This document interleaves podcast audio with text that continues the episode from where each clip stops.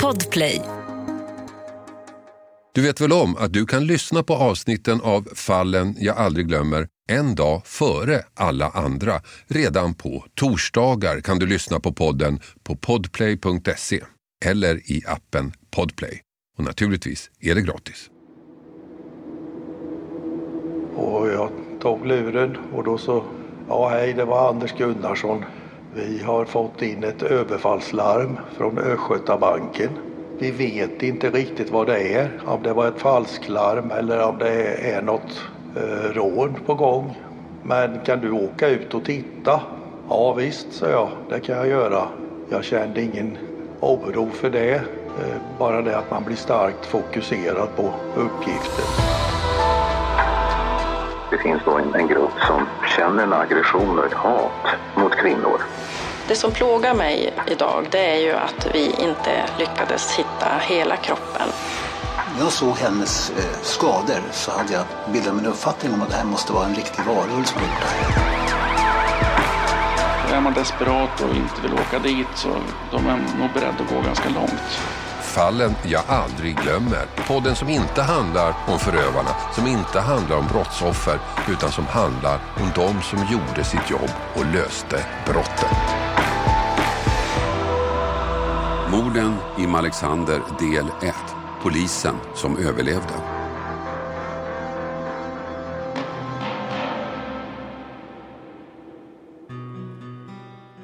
Så är han då fri, Andreas Axelsson. 52 år gammal kliver han nu i oktober 2022 ut ur fängelset och kan börja ett nytt liv efter att ha suttit inne i 23 år.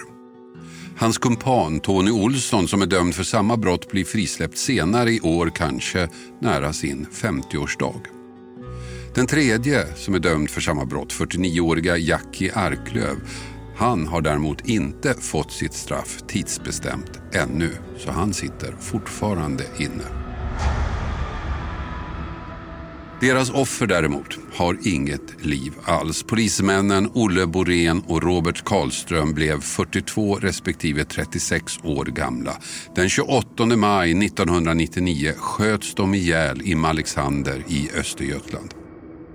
Eller sköts ihjäl är kanske en något förminskande beskrivning av brottet. De avrättades, sköts i huvudet med sina egna tjänstepistoler. Axelsson, Olsson och Arklöv dömdes för att gemensamt och i samförstånd dödat polismännen. Alla försökte komma undan genom att skylla på varandra men den här gången funkade inte den strategin. De hade en annan sak gemensamt också. De var nazister. Något som kom att spela en stor roll för allt som hände. Polismorden i Malexander skakade om Sverige, förändrade vår syn på brottsligheten, fick polisen att göra om sin kommunikationscentral, kriminalvården att skärpa permissionsreglerna och domstolarna att tillåta anhöriga att prata i rätten och rättssystemet att införa ett nytt domskäl.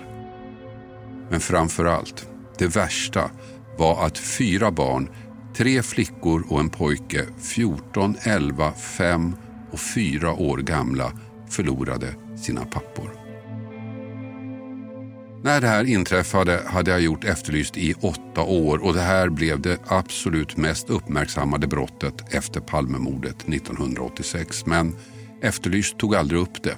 Vår säsong hade precis slutat och när höstsäsongen startade var fallet redan löst. Men det kom ändå att prägla vårt arbete, vår kommunikation med polisen, våra diskussioner. För det här brottet gick över en tröskel vi inte trodde kunde klivas över. Historien kan berättas på många sätt. Jag börjar på Riksteatern ute i Norsborg. I februari 1999 hade Lars Noréns pjäs 7-3 premiär. Norén var en hyllad svensk dramatiker och poet men den här pjäsen blev hårt kritiserad. För huvudrollerna spelades nämligen av tre dömda interner och tanken var väl att spegla deras bild av sanning, moral, kärlek och demokrati. Men två av fångarna framförde istället argument för nazismen. Kritiken blev massiv. Norén anklagades för att vara naiv och bli utnyttjad av internerna vilket skulle visa sig stämma långt över vad kritikerna och han själv insåg. En av fångarna som fått permission för att vara med i Riksteaterns projekt var Tony Olsson. Vad ingen visste var att han utnyttjade den fria tiden till att tillsammans med en annan av internerna planera och genomföra rån. Men det blev värre, oerhört mycket värre. Sista föreställningen var den 27 maj 1999. Där hoppar Tony Olsson av uppsättningen. Han skulle göra något annat dagen efter, nämligen råna en bank. Och samma dag, den 27 maj 1999, kommer Kenneth Eklund hem från semestern. Han är närpolischef i Kisa och dagen efter ska han alltså börja jobba igen. Det kom att bli den värsta dagen i hans yrke. En dag som för alltid förändrade hans liv. På morgonen den 28 maj 1999 möter Tony Olsson sina kumpaner Andreas Axelsson och Jackie Arklöv. Planen för dagen är att råna en bank i Kisa. Den sista i en lång serie av rån de utfört i Östergötland. Rån där bytet skulle gå till att finansiera den nazistiska rörelsen. Andreas Axelsson, han som nu är fri, var vid den här tiden 29 år och aktiv nazist. Han var medlem av Smålands SA, en neonazistisk organisation. Han var också ansvarig utgivare för den nazistiska tidningen Stormpress och han var ostraffad. På något sätt fick han kännedom om att Tony Olsson, 26 år, som då satt inne på Tidaholmsanstalten, också var aktiv nazist och tog kontakt med honom. En kontakt som så småningom ledde till 26-åriga Jackie Arklöv som varit verksam som legosoldat i forna Jugoslavien. Han var dömd för krigsförbrytelser i Bosnien men utlämnades till Sverige där han frigavs. Också han uttalad nazist. Tillsammans diskuterade de tre att starta en ny högerextrem organisation i Sverige vid namn NRA. Som förebild hade de den då irländska politiska terrororganisationen IRA. Och för att göra det här behövdes finansiering, pengar. Pengar som skulle stjälas och det blev inledningen på en serie rån i Östergötland. En serie som började med ett butiksrån den 1 november 1998 och fick sitt blodiga slut den 28 maj 1999. Och dagen börjar alltså med att Andreas Axelsson och Jackie Arklöv hämtar Tony Olsson med en vit Toyota Avensis som de hyrt. Bilen är fylld med vapen, pistoler, automatvapen, jaktgevär, tre handgranater och sprängdeg. Och till det massor med ammunition. Och samtidigt kommer Kenneth Eklund till jobbet efter semestern. Jag hade egentligen en semesterdag men eh, jag kände mitt ansvar då som chef eh, för närpolisområdet i Kinda Ydre att eh, åka ner till jobbet och titta över alla pappershögar som växte på skrivbordet. Så jag eh, åkte dit och eh, när jag kommer dit så sitter våran receptionist Barbro ensam i receptionen Eh, det skulle egentligen varit två till som hade jobbat men de hade jag fått förskjuta till kvällstid för det var direktiv från polisledningen i Linköping att vi skulle hålla två man på fredagar och lördagar mellan 17.03. Eh, så därför var jag ensam då. Det fanns en del att ta tag i. Eh, jag gjorde lite olika ärenden och jag tog på mig min utrustning som man har som polis i yttre tjänst. Jag tog ut polisbilen ur garaget och åkte ut på samhället och utförde en del ärenden som eh, hade blivit liggande och så vidare. Jag var även inne på banken och pratade med bankpersonalen där och frågade om allt var lugnt och så. Och det var ju ett sånt där rutinärende som man har som närpolis i ett område. Ja då, de var ju glada att få se mig och det, även de visste att jag hade varit iväg på semester och vi pratade om det och så vidare. Eh, så att eh, det var inget särskilt med det.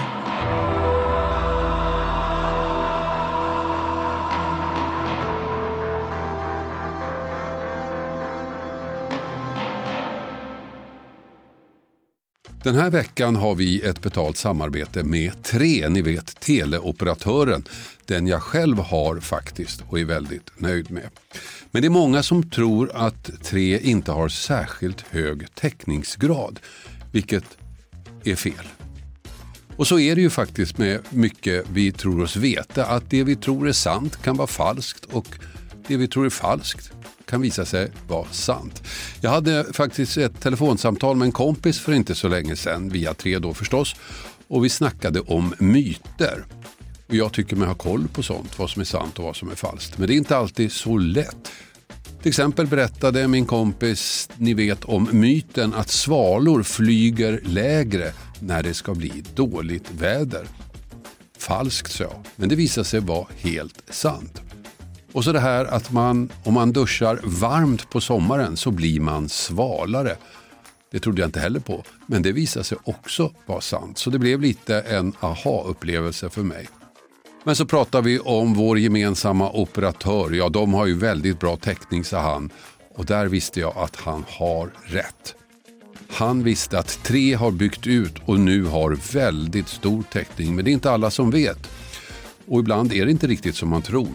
Sanningen är att Tre nu täcker otroliga 99,3 procent av Sveriges befolkning och det avser rösttäckning baserat på folkbokföringsadress. Så läs mer på 3.se om hur de bygger ut sitt nät och täckning. Tack 3. Den här veckan har vi ett betalt samarbete med Hello Fresh. Världens ledande leverantör av matkassar hem till dig. Kassar som ger dig en enklare vardag och massa matglädje på det. Nu kan du som lyssnar få extra bra pris. Med koden FRESHFALLEN kan du få upp till 1359 kronors rabatt. Jag har testat flera matkassar och det är två saker som jag tycker gör Hello Fresh extra bra. Dels förstås att jag slipper planera mat varje dag. Menyerna finns redan där. Men också för att man får precis den mängd ingredienser man behöver. Det blir inte massa saker över i skafferiet. Inget matsvinn, inga bortslösade pengar. Och sen får man ju matglädje förstås, koll på budgeten och enklare vardag. Och också möjligheten att testa nya smaker med recept från hela världen. Allt är väldigt enkelt att laga, instruktionerna är glasklara. Så vill du få en enklare vardag, minska matsvinnet och testa nya spännande smaker. Gå in då på hellofresh.se och använd koden FRESHFALLEN. Den ger dig upp till 1359 kronors rabatt på dina fem första kassar. Plus fri frakt på första matkassen om du inte provat HelloFresh förut. Har du varit kund tidigare kan du också använda koden om du avslutat ditt abonnemang för 12 månader sedan eller längre. Tack Hello Fresh. Ett poddtips från Podplay. I podden Något Kaiko garanterar östgötarna Brutti och jag, Davva, dig en stor dos skratt. Där följer jag pladask för köttätandet igen. Man är lite som en jävla vampyr. Man har fått lite blodsmak och då måste man ha mer. Udda spaningar, fängslande anekdoter och en och annan arg rant. Jag måste ha mitt kaffe på morgonen för annars är jag ingen trevlig människa. Då är du ingen trevlig människa, punkt. Något Kaiko, hör du på Podplay. Därför är gardinerna. Klockan är runt lunch och den vita Toyotan med de tre gärningsmännen närmar sig Östgöta Enskilda Bank i Kisa. Ett ställe som de rekognoserat noga. Banken, det visste de, hade tidlås vilket betydde att det skulle dröja 12 till 15 minuter innan personalen kunde öppna kassor, valvet och bankomaterna. De tre visste att det låg en närpolisstation i Kisa men den bedömde de vara obemannad en fredag eftermiddag. Närmast stora polisstation låg i Linköping minst 20 minuter bort så det fanns tid att vänta ut tidslåsen, åka från platsen och byta bil. De känner sig trygga med sin plan. För Kenneth fortsätter dagen som vanligt. Sen åkte jag in till polisstationen och klockan närmade sig lunch. till polisstationen kommer också två trafikpoliser från Linköping. En på MC och en i bil eh, som jobbade den här dagen och skulle äta lunch med oss. Och vi satt och snackade och pratade och hade det trevligt och jag berättade om resan och så här. Eh, efter lunch här så säger trafikpoliserna till varandra att ja, ska vi åka söderut om Kisa eller ska vi åka norrut och ställa oss en stund för de skulle sluta vid tre fyra på eftermiddagen så de ville inte vara för långt borta. Men de bestämde i alla fall att de åkte norrut och ställde sig uppe vid Rimforsa för att ha lite kontroll. Eh, klockan gick och eh, framåt eftermiddagen vid eh, strax efter halv tre så säger jag till Barbro att jag tror jag tar och drar mig hemåt. De andra de kommer ju snart, de börjar ju klockan fem. Och de brukar vara lite tidigare då. Jag gör det, där, säger Barbro. Det, Eh, jag klarar mig, jag är ju van att sitta ensam. Vid 14-tiden kommer de tre rånarna till en skogsväg i Klintorp söder om Kisa. Där parkerar de Toyotan och byter till en Saab som inte går att spåra till dem. Planen är att ta Saaben till Kisa, begå rånet, åka tillbaka, dumpa Saaben och åka vidare i Toyotan, en bil som Axelsson hyrt helt öppet. Klockan är 14.40 på eftermiddagen när de kommer till banken. De stannar en bit därifrån, maskerar sig och laddar vapnen. Planen är att Axelsson och Arklöv ska gå in på bankkontoret medan Olsson vaktar utanför. Han beväpnar sig med en skarpladdad Uzi och minst en handgranat i fickan. De andra två går in med automatvapen och pistol och skriker åt de fem anställda och fyra kunderna som är där att lägga sig ner på golvet. Men någon av banktjänstemännen hinner trycka på larmknappen. Klockan är 14.50 och larmet går på larmcentralen i Linköping. Inte långt därifrån har Kenneth precis bestämt sig för att gå hem för dagen. Han säger hej då till receptionisten Barbro. Precis när jag hade sagt det här så ringer telefon och eh, Barbro räcker över luren till mig och säger att Kenneth är Anders Gunnarsson på sambandscentralen. Och jag tog luren och då så, ja hej det var Anders Gunnarsson eh, från KC här. Vi har fått in ett överfallslarm från Östgötabanken som det heter då. Vi vet inte riktigt vad det är, om det var ett falsklarm eller om det är något eh, rån på gång. Men kan du åka ut och titta vad, vad som händer? Vi har skickat så mycket personal vi har i Linköping. Ja visst, sa jag, det kan jag göra. Och jag har aldrig varit orolig eller rädd i jobbet så att eh, jag kände ingen oro för det. Eh, bara det att man blir starkt fokuserad på uppgiften.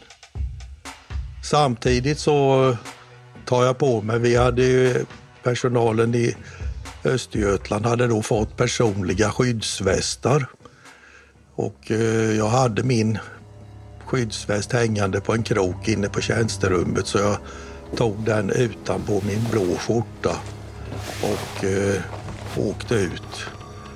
Vi hade inga förstärkningsvapen här vid den här tidpunkten utan endast vårt tjänstevapen då att förlita oss till. Jag tar polisbilen, Eh, polisstation ligger eh, inte så långt från banken. Satte mig i och åker ut då mot riksväg 34 som den hette. I banken pågår rånet. Axelsson har en tidtagarklocka runt halsen. Den är inställd på 20 minuter. Det är den tid de anser sig ha. Han riktar sin pistol mot en ung kvinna som sommarjobbar och beordrar henne att öppna valvet. Är det inte öppet inom 15 minuter blir det synd om er, skriker han. Arklöv upptäcker att bankchefen sitter själv inne på sitt kontor. Han blir arg, släpar ut mannen och tvingar ner honom också på golvet. Sen blir allting lugnt. Rånarna väntar ut tidslåset och på gatan utanför står Tony Olsson och håller vakt. När jag kommer över en järnvägsöverfart upp mot bank och tittar upp mot banken, det är väl ungefär kanske 70 meter fram, så ser jag en svartmaskerad man med vita vantar och ett automatvapen. Eh, allting blir väldigt rörigt samtidigt för samtidigt så åker det omkring tre motorcyklar svartklädda, svarta matta hjälmar och tittar på mig och jag var tvungen att koncentrera mig på den här rånarvakten då. Hur tänkte du då när du ser honom? Ja, jag trodde att det skulle smälla för jag såg att han hade ett automatvapen i handen. Men trots min eh, utbildning så kunde jag inte avgöra om det var ett militärt eh, AK4, AK5 eller en k-pist eller vad det var. Men jag såg att det var ett automatvapen han hade och jag trodde att han skulle skjuta då. Eh, han höjde vapnet mot mig och eh, det här fick, ju, fick jag ju då till följd att jag hukade mig ner och åkte motsatt riktning för att komma ifrån platsen. Jag trodde att det skulle smälla i bakrutan så jag liksom hukade mig ner för att inte bli träffad om han skulle skjuta. Eh, jag fortsatte ner 100-150 meter och det svänger vägen lite svagt åt vänster i färdriktningen. Jag vänder runt polisbilen och ställer mig på motsatt sida för att inte synas. Det var ju mycket träd och löv och så här på, eh, som skymde sikten. Och det var ju en otroligt vacker dag. Det var ju strålande solsken och 25 grader varmt. Vad tänkte du då när du, det står en man där, du förstår att det pågår ett rån? Ja, jag tänkte ju att jag ska göra observationer. Min uppgift var ju att göra observation vad som hände och invänta då förstärkning från Linköping. Så att eh, jag tänkte att eh, jag måste ju se vad som händer. Och för att kunna se fram mot banken så var jag tvungen att gå ut i vägbanan ett tiotal meter och titta framåt. Det här pågick då några gånger för rånet pågick ju ganska länge. Ungefär 18-20 minuter. De inväntade ju tidlåset i bankvalvet då. Efter 15 minuter så piper då tidlåset till inne i banken och pengarna är färdiga att ta. Sammanlagt kommer rånarna över drygt 2,6 miljoner kronor. Men det var några saker som de förbisett. Deras plan var inte så vattentät som de trodde. För det första så missar Arklöv en kamera när han med färg sprayar över linserna på de andra så hela händelseförloppet filmas.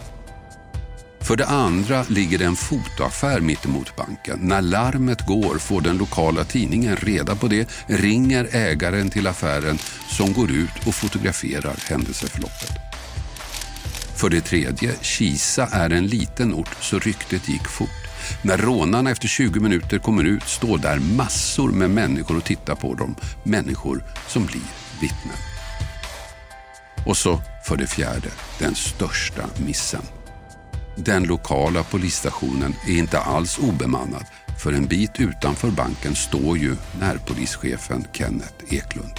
Rånarna hoppar in i flyktbilen, gör en U-sväng och kör rakt emot honom.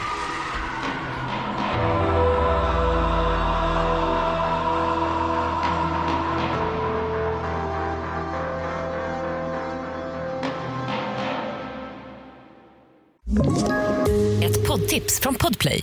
I podden Något Kaiko garanterar östgötarna Brutti och jag, Davva, dig en stor dos skratt. Där följer jag pladask för köttätandet igen. Man är lite som en jävla vampyr. Man har fått lite blodsmak och då måste man ha mer. Udda spaningar, fängslande anekdoter och en och annan arg rant. Jag måste ha mitt kaffe på morgonen för annars är jag ingen trevlig människa. Då är du ingen trevlig människa, punkt. Något Kaiko, hör du på Podplay. Därför är gardinerna.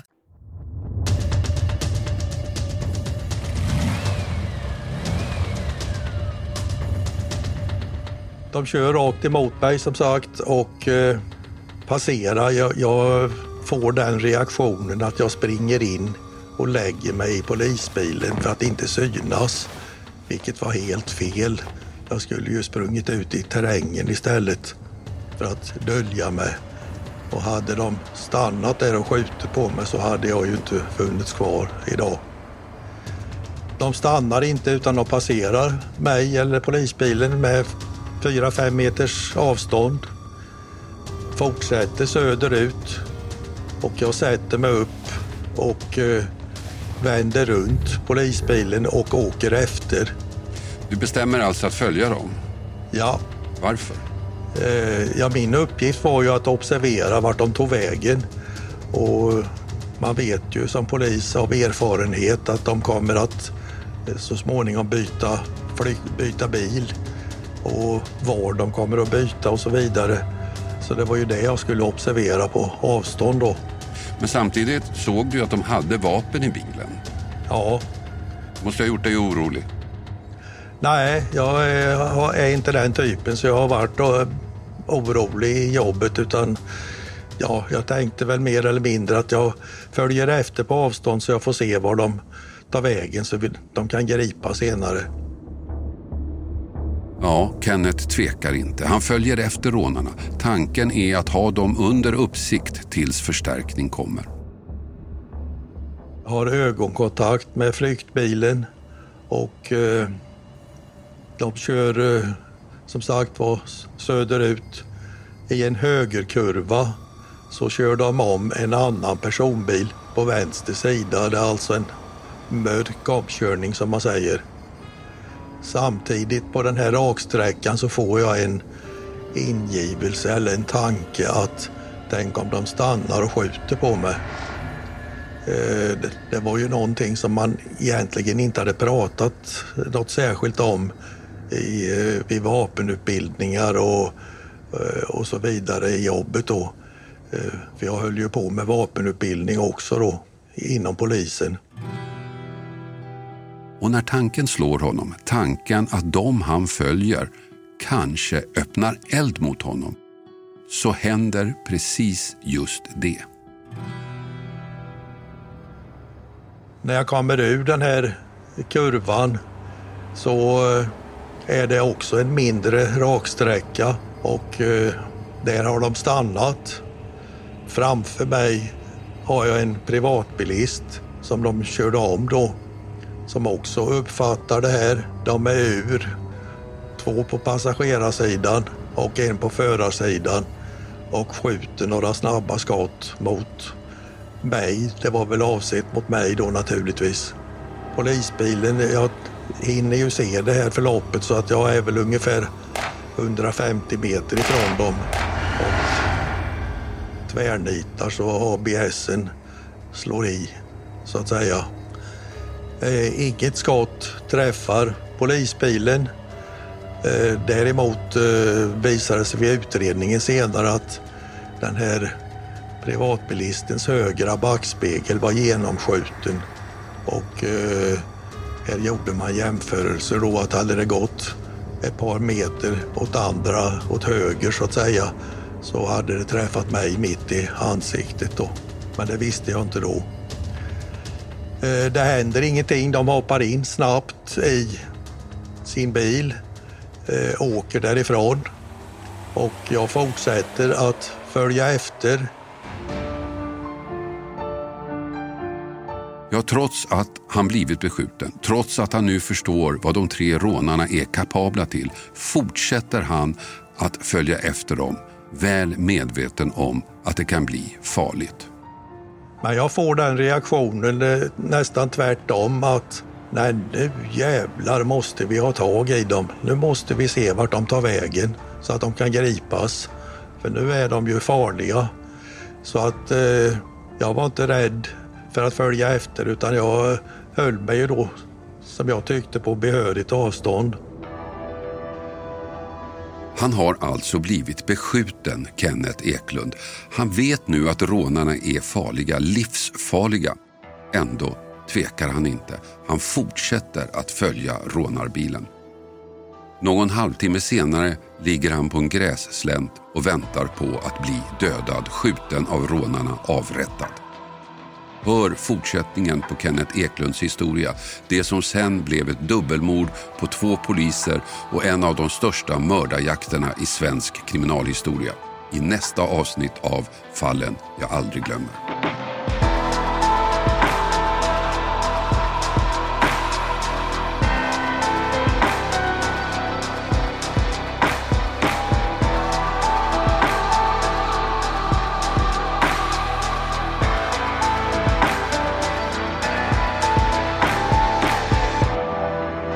Du har hört podden Fallen jag aldrig glömmer.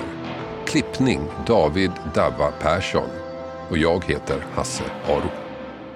Du vet väl om att du kan lyssna på avsnitten av Fallen jag aldrig glömmer en dag före alla andra. Redan på torsdagar kan du lyssna på podden på podplay.se eller i appen Podplay. Och naturligtvis är det gratis. Podplay, en del av Ett poddtips från Podplay. I podden Något Kaiko garanterar östgötarna Brutti och jag, Davva, dig en stor dos skratt.